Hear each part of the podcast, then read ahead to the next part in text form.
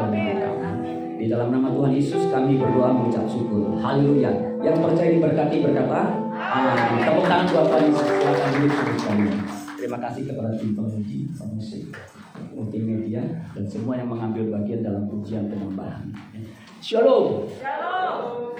Orang kencang yang kencang cuma sebelah sini. Shalom. Shalom. Shalom. Puji Tuhan. Apa kabar saudara? Luar biasa. Luar biasa puji Tuhan ya. Saya mengucapkan terima kasih kepada Bapak Gembala Pak Nuryati yang sudah memberikan saya kesempatan untuk menyampaikan firman Tuhan. Tadi barusan saja sudah telepon saya memastikan ya saya pas mau masuk belok ke kiri ya saudara. Puji Tuhan saya tiba di tempat ini dengan selamat tidak kurang satu apa pun. Saya terakhir ke sini itu ketika gerejanya belum seluas ini saudara. Waktu yang lalu udah lama sekali long time ago ya. Ah, saya ke sini. Makanya saya lupa-lupa ingat. Jadi ingat-ingat lupa, saudara ya. Puji Tuhan, saudara sekalian. Saya datang bersama dengan istri saya. Ini ya, eh, istri saya. Yang sudah mendampingi saya lebih dari 30 tahun. Ya, puji Tuhan. Ini ya. Waktu tatai hujanan hameli. Gitu. Artinya, saudara terjemahkan sendiri. Ya, terserah. Ya. Eh, istri saya ya. Nama saya Cecep Suparman. Saudara mungkin ah, agak asing ya pendeta namanya Cecep. Ya. Asing. Saya sendiri sebenarnya juga agak asing dengan nama saya, saudara. Jujur, saudara. Ya.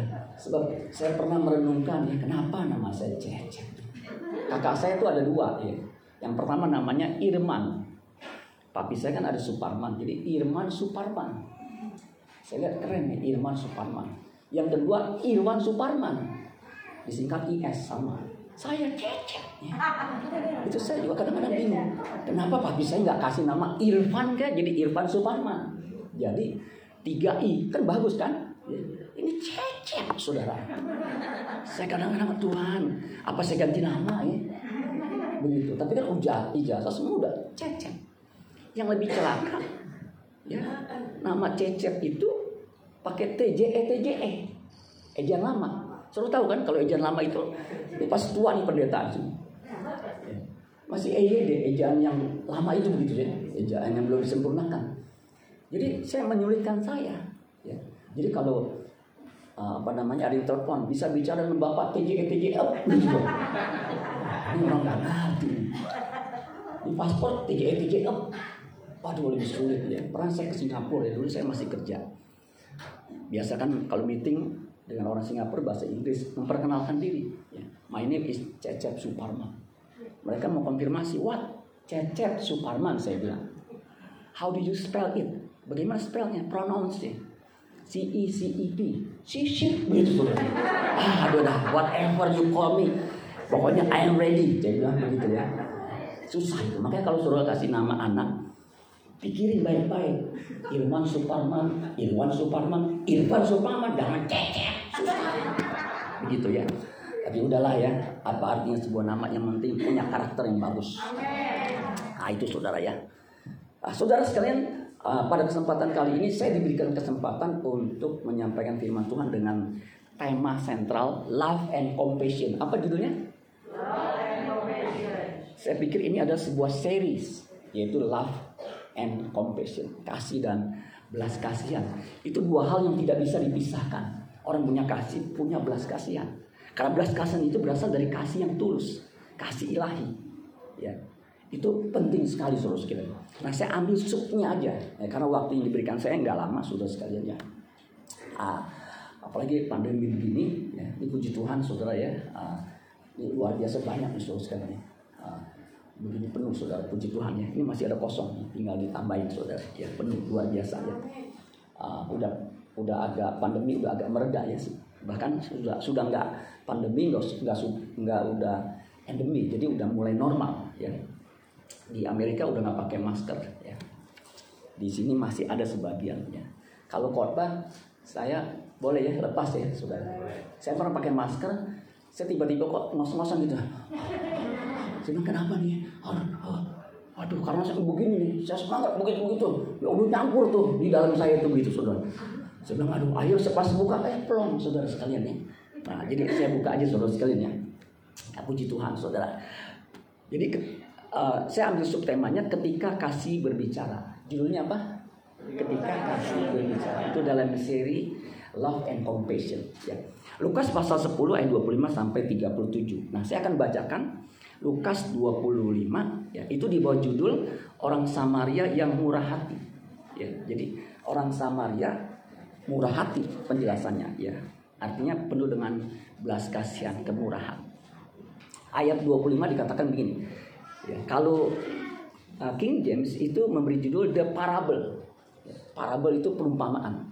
The parable of the good Samaritan. Ya. saya rindu saya juga ingin kita semua menjadi orang Samaria yang baik hati. Amin saudara sekalian. Ya, Amin. Cuma ibu ini sponsor saya. Saya kita semua termasuk saya ini menjadi orang Samaria yang baik hati, yang murah hati itu saudaranya. Sebab jangan jadi Kristen puluhan tahun jahat jalan terus. Waduh, apalagi pendeta. Udah khotbah sana sini keliling dari desa ke desa, dari kota ke kota. Tapi tetap jahat. Bahkan rekan pelayanannya dia bunuh.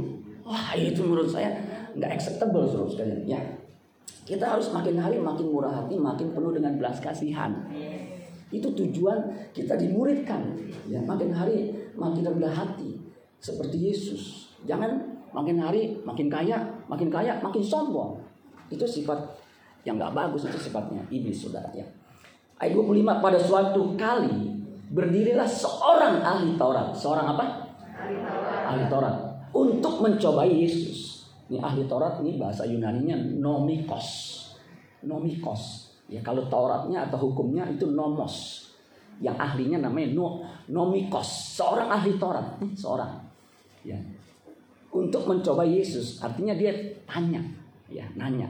Guru, apa yang harus ku perbuat untuk memperoleh hidup yang kekal? Ya, jadi dia bertanya apa yang harus aku perbuat untuk memperoleh hidup yang kekal. Waktu itu isu tentang hidup yang kekal itu sedang marak. Ya kalau sudah teliti Alkitab di Lukas pasal 18 ayat 18 itu bicara juga tentang orang kaya yang nanya, "Guru, apa yang harus aku lakukan untuk memperoleh hidup yang kekal?" Jadi hidup kekal itu satu uh, isu, satu bahan topik yang sedang marak atau sedang didiskusikan. ya. Nah, saudara sekalian, hidup kekal itu bukan bicara soal durasinya, soal kuantitasnya, tetapi kualitasnya. Ya, hidup kekal itu bicara soal kualitas kedalamannya, ya, kualitinya. Ya. Nah, apa yang harus aku perbuat untuk memperoleh hidup yang kekal? Nah, Yesus jawab Yesus kepadanya apa nih? Perhatikan. Apa yang tertulis dalam hukum Taurat? Apa yang kau baca di sana? Nah, sebenarnya sama. Ya, Yesus itu selalu menggunakan ya, firman Tuhan untuk mengajarnya. Ya, Yesus itu seorang guru. Di sini memakai kata didaskalos. Didaskalos itu dari didaskalia, mendidik, mengajar. Ya. Apa yang terus dalam sana? Namanya ahli Taurat, hukum Taurat. Ya, ahli Taurat. Pasti dia juga baca. Makanya ayat 27, jawab orang itu, kasihilah Tuhan Allahmu dengan segenap hatimu, dengan segenap jiwamu, dan dengan segenap kekuatanmu, dan dengan segenap akal budimu. Ada empat tuh. Nah ini diambil dari ulangan 6 ayat 5. Berarti dia paham Taurat karena dia ahli Taurat. Kemudian dan ada kata dan itu pakai bahasa Yunani-nya kai, artinya sejajar. Ya. Dan kasihilah sesamamu manusia seperti dirimu sendiri. Itu diambil dari Imamat 19 ayat 18. Namanya ahli, dia menemukan jawabannya. Kalau mau hidupnya kekal, hidup berkualitas, mengasihi Allah. Berarti kalau mengasihi sesama. Itu salib, seperti yang di belakang saya ini. Kemudian apa yang terjadi? Kata Yesus kepadanya ayat 28. Jawabmu itu be, itu benar. Nilainya 100 tuh. Kualitasnya 100 tuh kalau lakukan itu. Makanya Yesus berkata, perbuat demikian, maka engkau akan hidup. Engkau akan hidup berkualitas kalau kau mengasihi Allah dengan segenap hatimu, segenap akal budimu, segenap kekuatanmu, dengan seantero hidupmu. Dan juga mengasihi sesamamu. Seperti dirimu sendiri. Itu hidup kekal. Amin saudara ya. Aminnya masih banyak saudara. Ya. Saya berharap banyak saudara amin ya. Apalagi punya suami namanya Pak Amin. Nah itu masih ada. Puji Tuhan Pak Amin ya. Ayat 29. Tetapi untuk membenarkan dirinya. Orang itu berkata kepada Yesus. Sebenarnya udah benar jawabannya. Yang mesti dilakukan apa? Do. Lakukan. Ya. Perbuatlah itu. Begitu. Nggak usah tanya-tanya lagi. Ya. Begitu. Karena orang saudara ya. Apalagi orang Indonesia. Suka nanya yang nggak penting. Betul nggak? Nanya nggak penting. Orang datang lagi rapat nih, datang terlambat. Yang ditanya apa? Eh lu terlambat lah. Ya udah tahu terlambat, datang rapat jam 10, datang setengah 11, berarti kan terlambat. Masih ditanya, eh lu terlambat ya? Iya terlambat, gak usah nanya. Eh langsung kita udah mulai topik ini kan begitu. Datang lagi, ya. Kemudian basah-basahan, kehujanan kan, hujan. Ini tanya lagi, eh lu kehujanan ya? ya udah hujan, nanya nggak penting. Untung dia nggak jawab. Gue memang kalau mandi baju gue lengkap, jadi gue begituin. Gue belum pakai anduk, gue ke sini, makanya basah kuyup. Karena nggak penting. Di mall saya suka perhatiin nih, bayi kembar didorong pakai kursi roda, ya kursi kursi itu bayi ya. Trol, troli ya, apa apa ya gitu ya. Roller ya, roller ya. Gitu pasti. Kita lihat gitu, kita nanya, bu anaknya kembar, beli. Udah tahu trollernya itu kembar begitu. Bu anaknya kembar. Untuk ibunya nggak jawab. Masa? Saya baru tahu anak saya kembar. Itu nanya nggak penting. Tapi tadi pertanyaan hidup kekal itu penting. Nah nggak usah didiskusikan, dibahas lagi, ya untuk membenarkan diri. Lakukan. Begitu saudara Musinya begitu. Selesai udah nggak usah ada perumpamaan. Duit. Ya, duit itu maksudnya bukannya duit, cebanan, obanan bukan. Duit, just do it, lakukan aja. Tapi untuk membenarkan dirinya orang itu berkata kepada Yesus, dan siapakah sesamaku manusia? Kenapa ditanyakan begini? Karena bagi orang Yahudi sesama adalah sesama Yahudi. Itu sesama. Kalau bukan Yahudi itu bukan sesama. Ini salah. Semua dari suku bangsa mana pun itu sesama kita. Surga habis ya. Orang dari suku mana pun, bangsa mana pun itu sesama kita. Itu saudara mesti kita paham. Jadi jangan lihat-lihat agama lu apa? Private, private. Ya iyalah. Ditanya agama tuh anak kecil bisa juga. Private itu urusan pribadi. Kita ini semua sesama. Amin saudara sekalian. Ya kiri kanan sesama apa bukan? Sama. Baik yang ganteng maupun kurang ganteng, yang cantik. Ke bapak nunjuk ke istri saya, ke istri bapak. Iya istri saya tuh bagi saya paling cantik di dunia ini. Bagi saya, nggak tahu bagi saudara, ya. Jadi saudara sekalian, sesama itu siapa saja, jangan nggak sebangsa. Yahudi itu orangnya pinter-pinter, IQ-nya tinggi-tinggi. Kalau orang luar mah IQ-nya rendah-rendah. Enggak pak, IQ saya tinggi. Berapa? 180, wah tinggi dong. Tapi sekeluarga pak, 180. Mau IQ-nya rendah, mau tinggi, mau pinter, mau bodoh. Dari bangsa suku mana pun itu sesama, amin.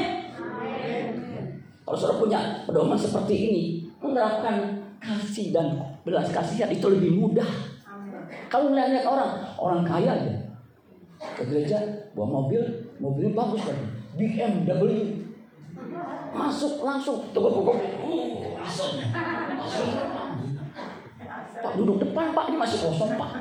Kalau perlu pendeta kita geser Pak. Wah itu keluar aja. Kenapa pendeta digeser? Pendeta ke sini naiknya bajai Pak. Jadi kalau mau khotbah begini-begini karena naik bajai. Saudara, saudara, saudara. Waduh, saya bilang jangan begitu. Amin. Saya kadang-kadang sama pelayan yang suka beda-beda begitu saya ngamuk saudara. Sebab? Jangan loh begitu. Ya, amin terus kan? Di sini emang nggak ada ya, nggak ada yang nggak ada, ya. nggak ada yang ngaku saudara. Jangan kalau sakit lu dibeda-bedain. Ya. Jangan dibanding-banding ke sakit. Amin saudara sekalian. Sesama itu siapa aja. Nah, ayat 30 ini jawaban Yesus timbul. Karena pertanyaan itu, makanya ada perumpamaan. Sebenarnya sih bukan perumpamaan. Karena peristiwa jalan dari Yeru- Yerusalem ke Yeriko itu memang liku-liku. Yaitu jalanannya menurun, eh menurun, menurun begitu.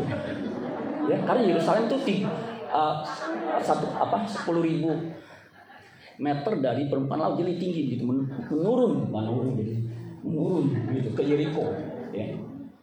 Kemudian belok-belok jalan itu disebut bloody way. Disebut apa? Bloody bloody itu berdarah karena memang sering terjadi perampokan pembunuhan maka disebut bloody way. Nah Yesus gunakan itu tuh. Kemungkinan memang pernah kejadian maka diambil perumpamaan kan sebenarnya kisah-kisah yang ada berkembang cuma diambil makna rohaninya Ya, Yesus adalah seorang yang turun dari Yerusalem ke Yeriko. Kamu kan Yerusalem ke Yeriko itu dia habis ibadah, ya orang Yahudi atau orang siapa begitu ya. Ia jatuh ke tangan penyamun-penyamun yang bukan saja merampoknya habis-habisan, tetapi yang juga memukulnya. Jadi bukan hanya dirampok, diambil barang, tapi dianiaya, dipukul. Dan yang sesudah itu pergi meninggalkannya setengah setengah mati. Jadi aduh menderita sekali. Kebetulan ada seorang imam. Imam ini kalau sekarang mungkin pendeta. ya. Pendeta apa pak? Terserah. Pendeta kan ada pendeta muda. Sebelumnya ada pendeta pembantu atau pertama sekarang kan. Kemudian pendeta. Disebut juga pendeta. Saya persilakan bapak pendeta. Dia mau pembantu, dia mau muda, pokoknya pendeta, betul nggak saudara? Ya. Bukannya pak kalau PDT, PDP pendeta doa pembukaan, itu PDP. Kalau PDM pendeta doa makan.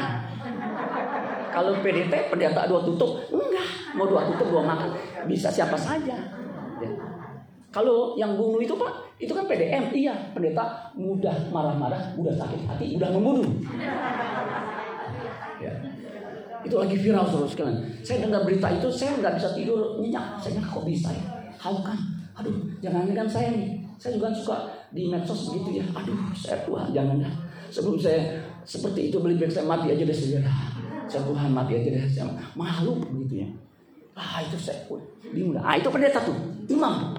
Turun melalui jalan itu, jadi turun mau pulang. Biasanya para imam tuh tinggalnya di perumahan Yeriko. Ia melihat orang itu, tetapi ia melewati jadi seberang jalan. Dia pikir ini orang mati kali ini ya. Nanti saya sentuh, najis saya tujuh hari nggak bisa ibadah. Padahal dia habis ibadah, turun ke rumahnya mau pulang. Demikian juga seorang Lewi, Lewi ini pembantu. Nah, kayak kita sekarang mungkin uh, pelayannya gitu ya. Datang ke tempat itu, ya. Ketika ia melihat orang itu, ia melewati dari seberang jalan. Sama tuh. Ya. Eh, Ayat 33 perhatikan. Lalu datanglah seorang Samaria. Bukan datanglah seorang kapiten. Bukan. Seorang Samaria.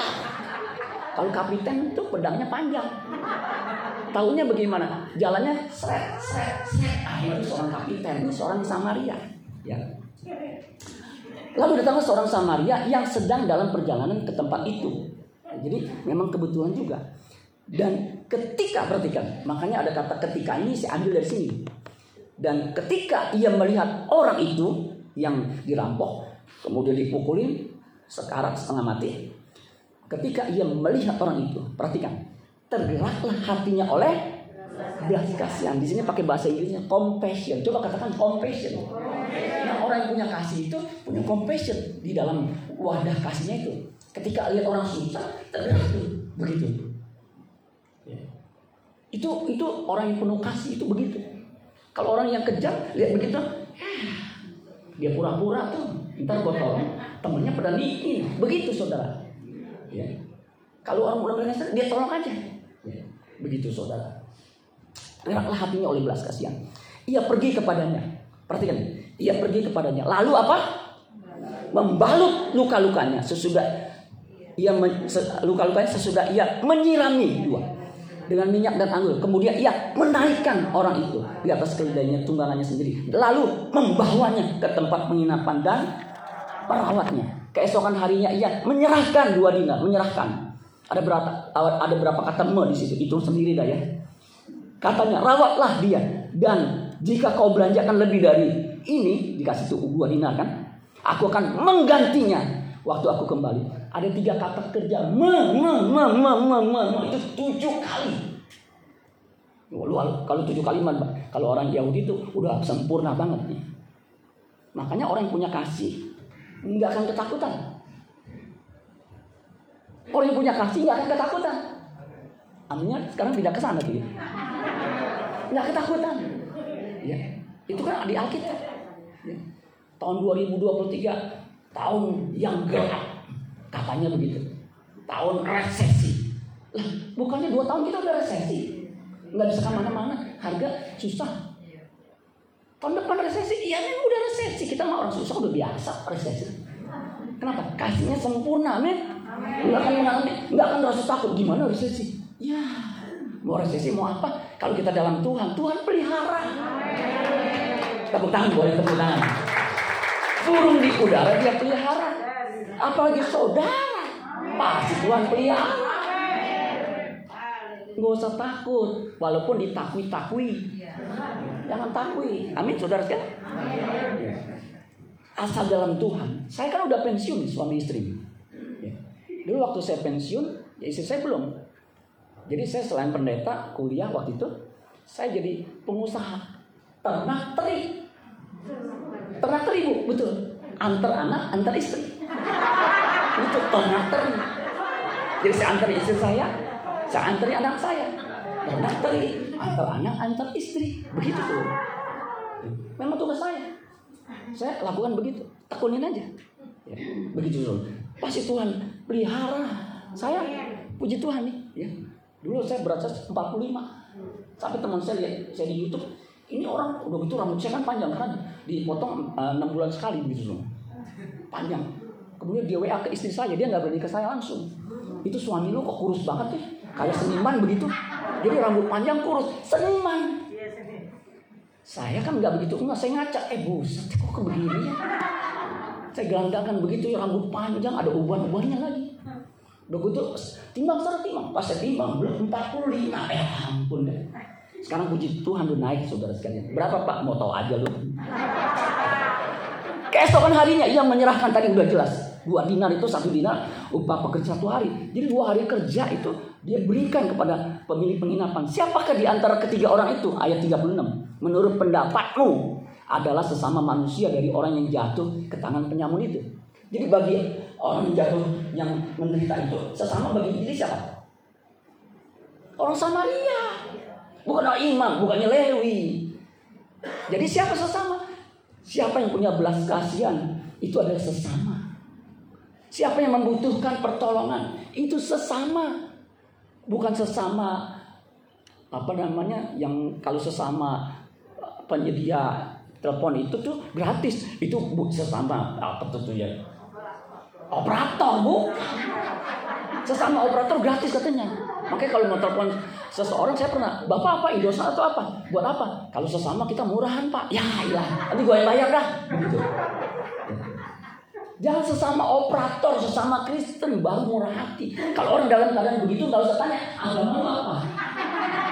Kristen, Kristennya apa? Kristen uh, Pentekosta, Pentekosta ini GBI apa bukan? Belum mati. Oh saya tanya, bantuin. Amin saudara sekalian. Pernah suatu kali rumah saya kan ada dokter tuh sana. Saya lagi jalan, saya lihat lah ini aki-aki dulu dulu uh, gua ibu-ibu uh, tante mau ke mana? Mau pulang nunggu budget? Ya nunggu budget di rumah gini mah gak ada. Ya udah dari tadi udah setengah jam. Emang dari mana? Ini dokter. Ya udah rumah saya tiga rumah. Tunggu saya keluarin mobil. Di mana? Ini makanya saya ingat pas ke sini. Saya pernah nganter itu ke daerah situ tuh. Saya anterin, lah bapak kagak kenal saya. Ya tapi kan saya tahu pasti dari dokter Rudi. Dokter Rudi itu almarhum. Saya anterin. Ya, waktu itu Grab belum marah ya. Eh dia mau kasih duit ya, nggak usah ngasih duit ya. Saya udah lakukan udah seneng. Jadi nggak usah lihat, ya orang udah menunggu lama ya. Bantu bantu aja amin saudara sekalian.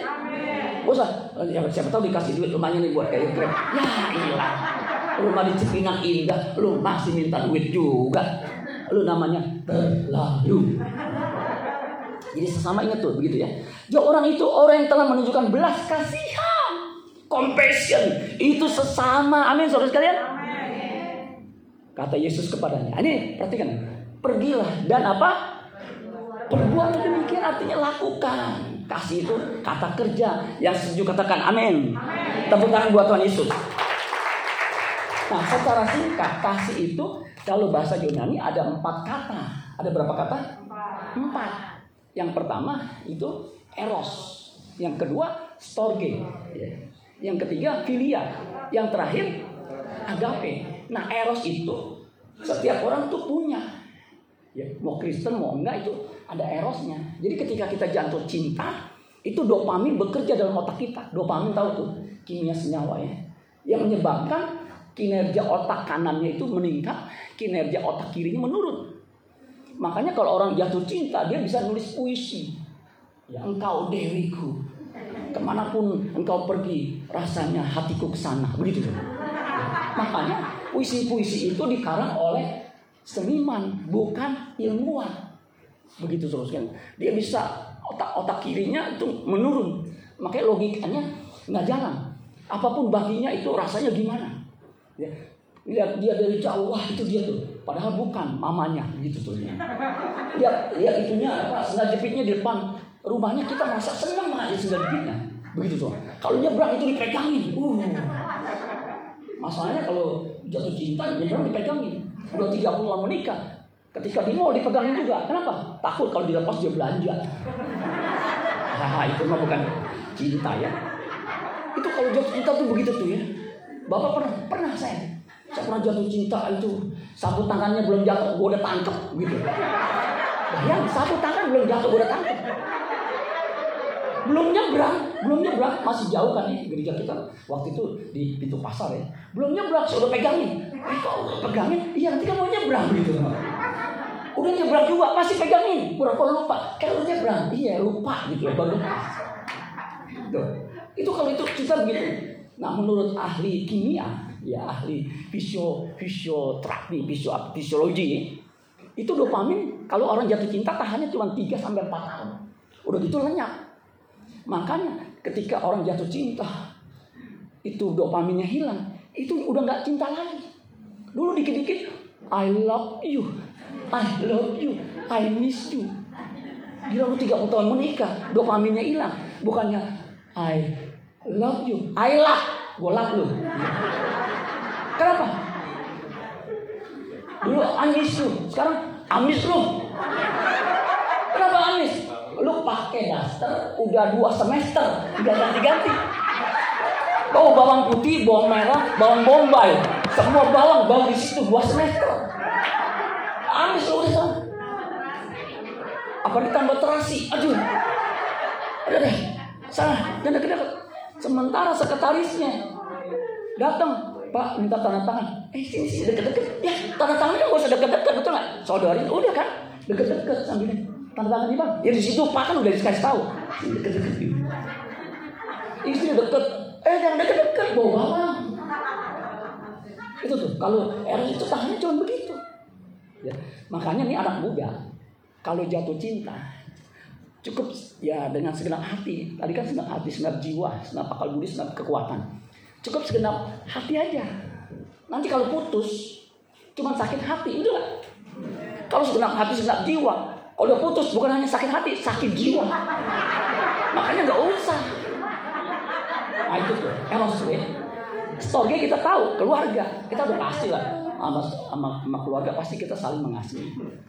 Filia, itu satu kelompok nih, sesama anggota GBI Kairos, ya. Itu saling mengasihi. Kalau GBI Kronos, sama sama-sama GBI ya. Sekali GBI tetap GBI sama tuh sama anggota ya. Nah ini kasih persahabatan kasih persaudaraan ya. Itu juga mesti kuat saudara. Yang terakhir ini kasih agape ya. Kita harus kembangkan. Amin terus kan? Kasih agape itu nggak bisa terjadi dengan sendiri. Dia itu buah roh amin terus kan buah roh ya the fruit of spirit apa love kasih itu pakai kata-kata kata Yunani agape kasih kemudian seginya ya, Kalau suruh pelajari bahasa asing dari uh, Galatia 5 ayat 22 itu pakai kata singular. Coba katakan singular. Jadi agamanya dikit singular gitu. Pakai kata singular artinya uh, tunggal. Ya, the spirit, ya, the fruit of spirit itu kasih. Kemudian lanjutannya ada belakang apa? Lupa pak? Nggak inget pak? Kasih sukacita dari sejahtera kesabaran, kemurahan, kebaikan, kesetiaan, kelembutan, penguasaan diri. Itu segi-seginya. Nah itu nggak bisa terjadi sendirinya. Orang harus nempel dengan pokok anggur itu. Di luar aku, kamu tidak dapat berbuat apa-apa. Artinya tidak bisa menghasilkan buah itu. Makanya kita harus di dalam Kristus baru menghasilkan buah itu. Meskipun istri kita mungkin udah uh, umurnya udah 70 begitu, kita tetap mengasihi karena ada belas kasihan benar gak? Waktu kita susah, kita belum kari kita nanjak, dia mendampingi kita. Ketika kita sakit, dia yang merawat kita. Nggak ada ketika kita sakit, istri tetangga datang, terawat nggak ada. Pasti dia yang mendampingi. Ketika kita sedih diomelin bos, dia dampingi. Makanya ketika dia udah tua, kita juga tua. Kita tetap mengasihi. Amin, saudara sekalian. Amin. Gampang nggak? Susah. Karena memang objeknya itu apa? Subjeknya tergantung kita kalau agape. Kalau eros tergantung yang dikasihi. Ketika masih muda, ibarat mobil BMW, bahenol montok wele-wele, wah kita kasih. Dia udah tua, udah keriput. Kalau masih muda kan ininya licin nih. Tadi WL tadi itu glowing banget, saya lihat. Saya lihat istri saya, wah beda ya. Gitu. Ini, wah nggak tahu tuh pakai skincare apa sih nggak ngerti.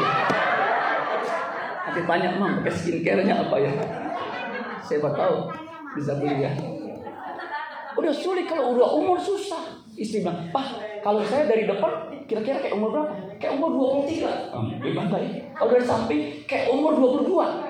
Kalau dari belakang 20. Jadi kalau keseluruhan udah jumlahin aja berapa? Eh, 75 dong. Ya iyalah. Umur dia bisa dibohongin.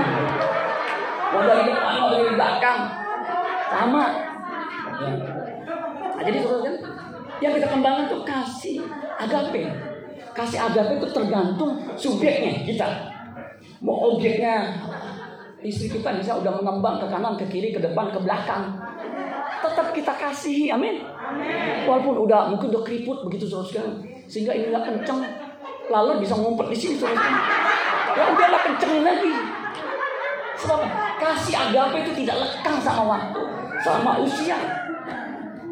Dulu istri saya tuh waktu 16 saya sampai tergila-gila loh, betul.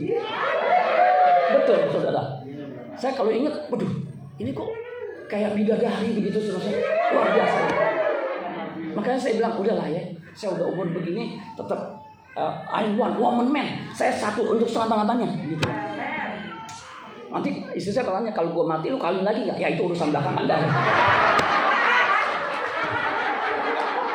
Kalau dia berani janji, kalau gue dia, dia berani janji.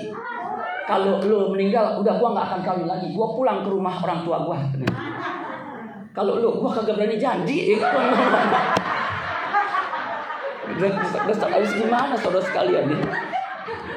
Lalu, dulu saya pernah jalan sendirian, istri saya nggak ada. Istri saya nggak ikut, saya jalan pagi. Saya kan kecil begini ya, pakai uh, apa celana pendek. Saya lihat anak remaja ya masih muda kusuk-kusuk begitu tuh sambil nunjuk-nunjuk saya. Saya bilang, wah gue masih ganteng dong.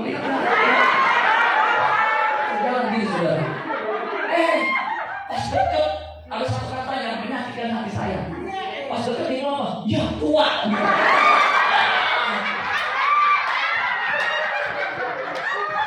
Langsung dari tegak begini langsung begini. Ampun saya. Saya bilang, ya udah nggak boleh sombong dah ya. Pernah saya jalan sama istri saya, yang dilihat istri saya sampai begini itu bapak itu. Karena dia memang apa waktu waktu itu dia disemir kan, jadi dia kan masih langsing. Jadi orang lihatin kayak begini nih. Saya bilang, waduh, saya lihat istri, iya masih beho juga ya istri saya. Jadi tergantung subjeknya. Makanya subjeknya ini harus dirawat. Kita harus punya spiritual yang tinggi. Hubungan kita dengan Tuhan mesti mesti kuat begitu. Sehingga kita punya kekuatan untuk mengasihi sesama kita, apalagi istri kita. Amin. Itu kekuatannya akan luar biasa. Ya. Saya sangat diberkati ketika Pak Gembala, Pak Nur di tempat kami. Itu dia bagus dia bilang gini, no prayer, no service. Oh, emang di sini begitu ya? Ya, ya kan Bapak Nur ngomong begitu di tempat saya ya. Nanya lagi lagi saudara ya. No, no prayer, no service. Dia bilang apa? Kalau no prayer, kenapa nggak kasih pelayanan? No prayer, no anointing, no anointing, no power. Nggak mungkin biar glowing kayak begini ya. WA begini begini. Kalau nggak ada doa, ya tetap aja nggak ngangkat. Emang kalau pujian mesti ngangkat, ya ngangkat minimal ya dari bawah ke atas gitu ya. Jadi doa itu penting, hubungan kita dengan Tuhan penting supaya kita punya kekuatan untuk mengasihi. Amin. Karena di sekitar kita, termasuk di rumah kita, apalagi di gereja atau di mana pun tempat kerja, itu nggak semua orang menyenangkan, nggak semua orang ramah. Amin, saudara sekalian. Kalau istri saya termasuk ramah, semua orang ditanya. Dari sapan depan. Saya kan ternak tadi antarin anak sampai masuk ke lobby. Itu buka pintu pintu gitu. Istri saya pak begitu saudara sama yang buka itu. Kemudian pas nyampe kan dibukain tuh. Pak begitu. Jadi semua dia sapa pak gitu. Pak begitu. Itu aja apa tuang tol aja kita bayar gitu. Dia sini pak makasih pak gitu. Jadi ramah dia saya bilang boleh juga nih saya belajar saudara sekalian. Cuma saya terlambat. Saya udah punya kemampuan ramah itu setelah pensiun jalan berdua ya. Semua saya tanya ini pak pak. kapan nyampe nya jalan sama ibu lu sih kebangetan lebih lama dari gua. Cuma kapan nyampe saya bilang benar juga ya. Karena saya udah praktekin begitu enak juga. Saya kan orangnya yang memang uh, tipe yang istilah bilang pragmatik yang nggak mau ditanya kalau nggak ditanya. Begitu. Jadi pendiam. Saya bilang aduh pendeta kan kalau pendiam ini kan susah ya. Saya kalau itu juga di kelas juga saya jarang nanya. Ya. Padahal kan kalau apa, apa tidak bertanya malu bertanya sesat di di jalan. Ya makanya harus tanya. Kalau banyak tanya dikira wartawan. Kalau nggak nanya-nanya dikira sariawan. Jadi saya pikir aduh nggak enak gitu ya nah saya puji Tuhan belajar bisa tuh secara ramah ya ini dilatih gini gini gitu saudara ya walaupun gigi agak maju sedikit nggak masalah ya suruh rem supaya jangan maju dikit saudara jadi suruh sekalian kasih agape yang harus dikembangkan. Nah kasih agape itu berbicara pertama ketika dipraktekkan. Gak amin saudara sekalian. ya. Kasih agape itu berbicara ketika dipraktekkan. Harus dipraktekkan. Prakteknya di mana? Di rumah tangga. Prakteknya di mana? Di gereja. Prakteknya di mana? Di kantor. Orang akan lihat, ini baik banget orangnya, begitu ya. Ini benar nih orang nih. Makanya orang akan jadi kesaksian. Ya, ketika lihat perbuatan kita yang baik, dia memuliakan Bapa di surga. Orang sebaik dia nggak mungkin menyembah Tuhan yang salah. Yesusnya pasti benar.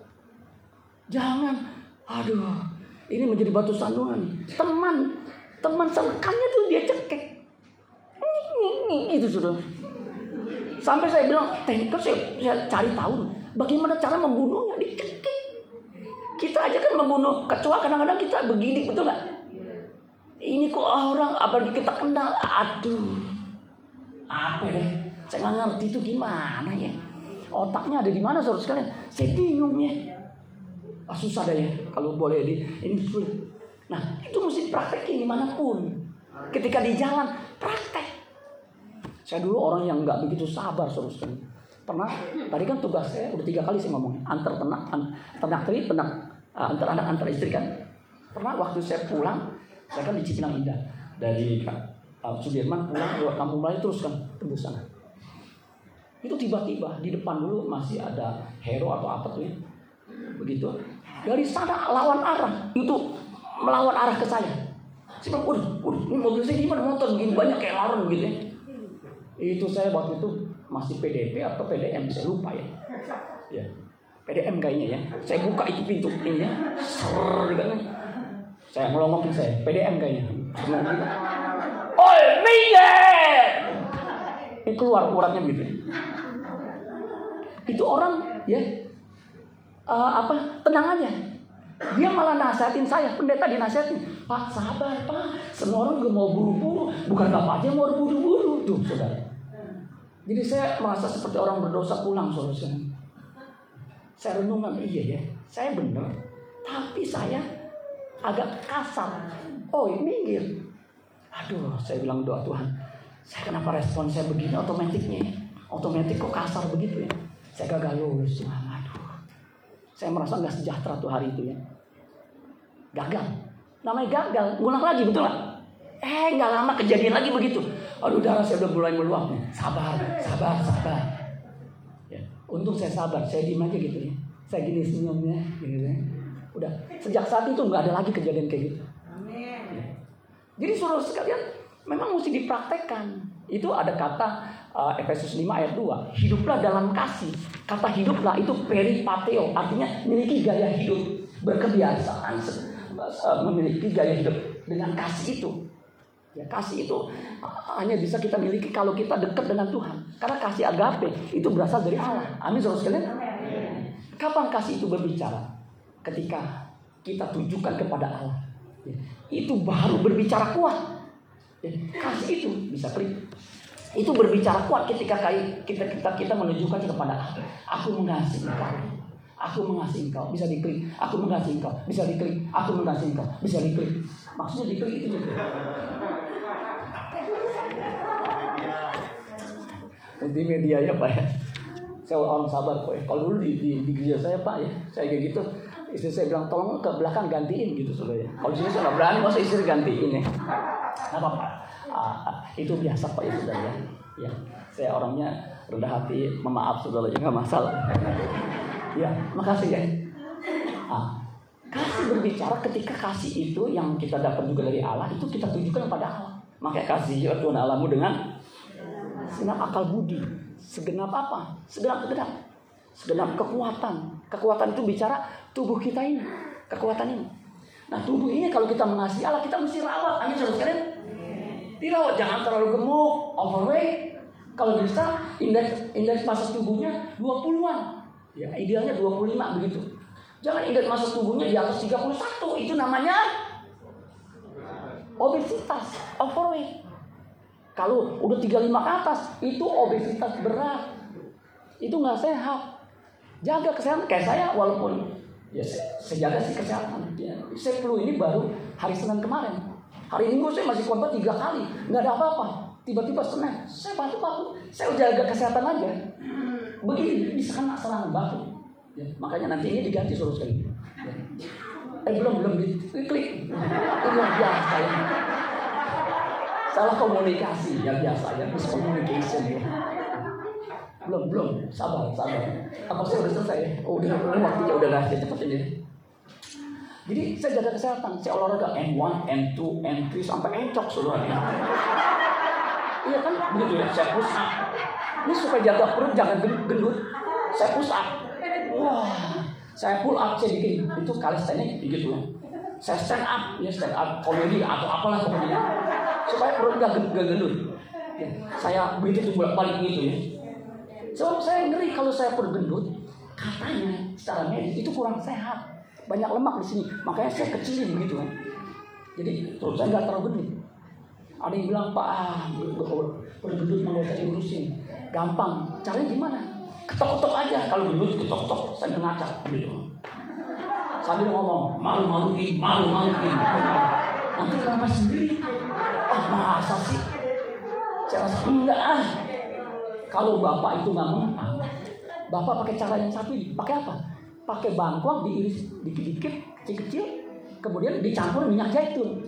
Kemudian diolesin pak, kempes enggak, mengkilat. Enggak, udah keras. Mengkilat iya, enggak kempes. Jadi kita mesti jaga kesehatan, amin.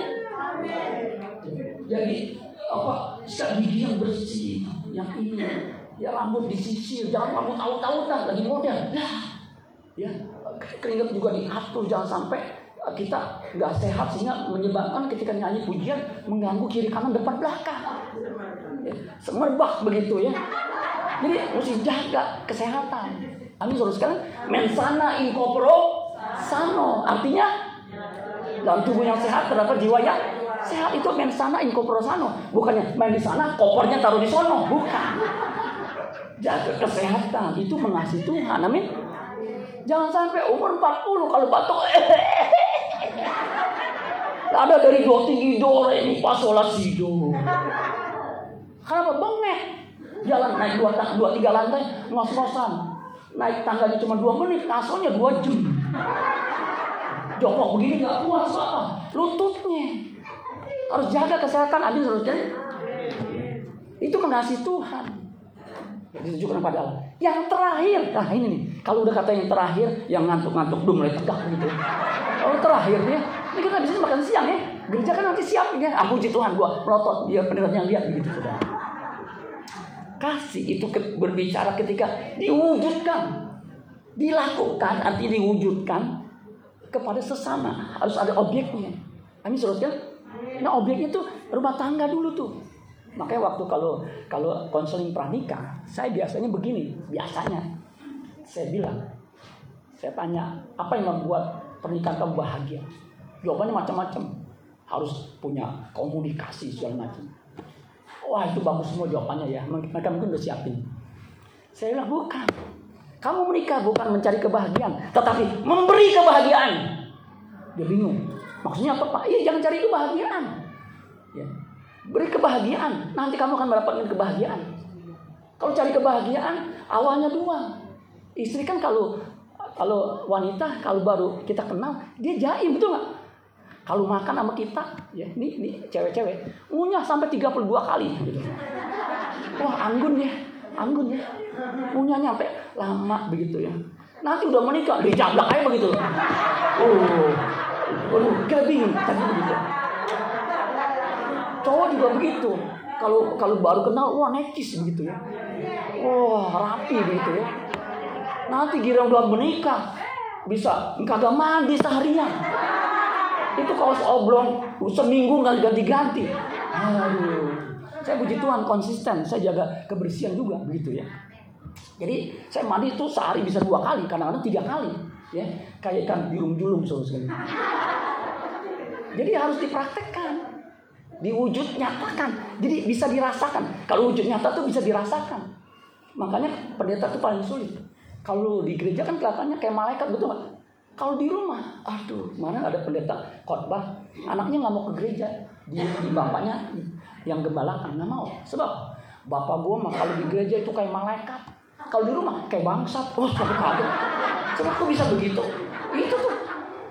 Ya, dia nggak mau sebut nah, gembalanya siapa ya? Yang pasti bukan gembala sini. Kalau gembala sini mah baik semua.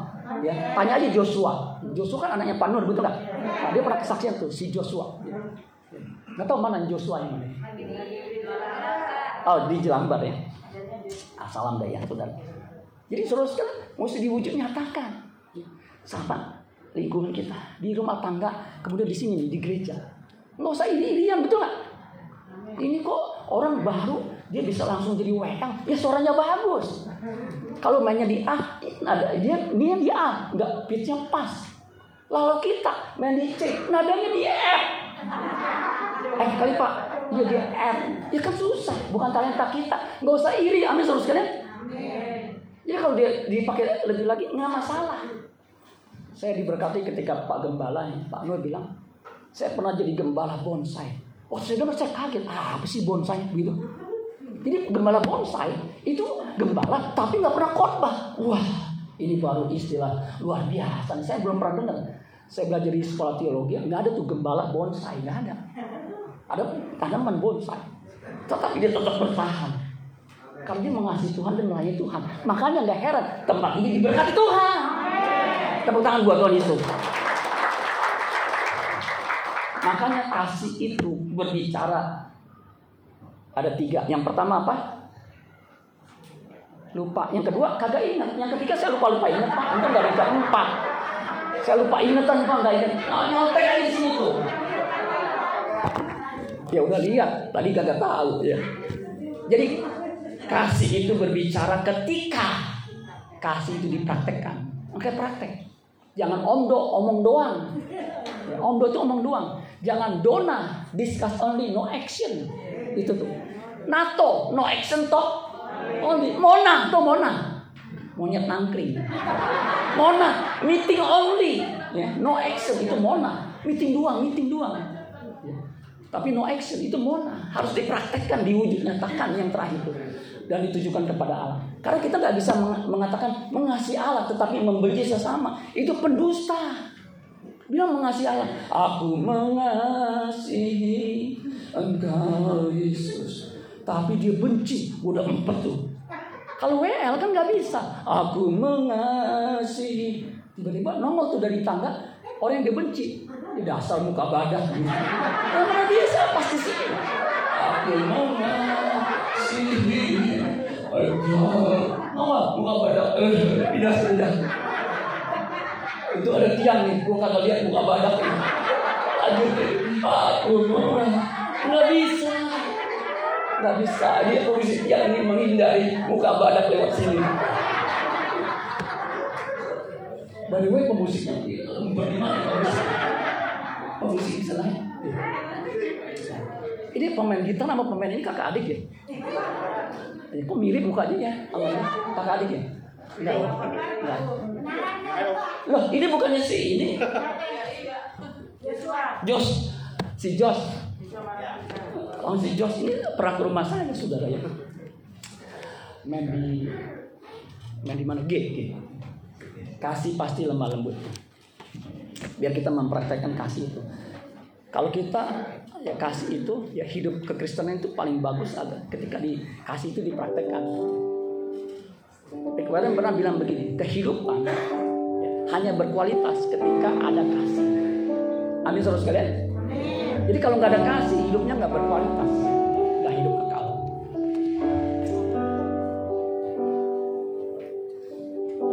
Saya undang kita bagi beli. God.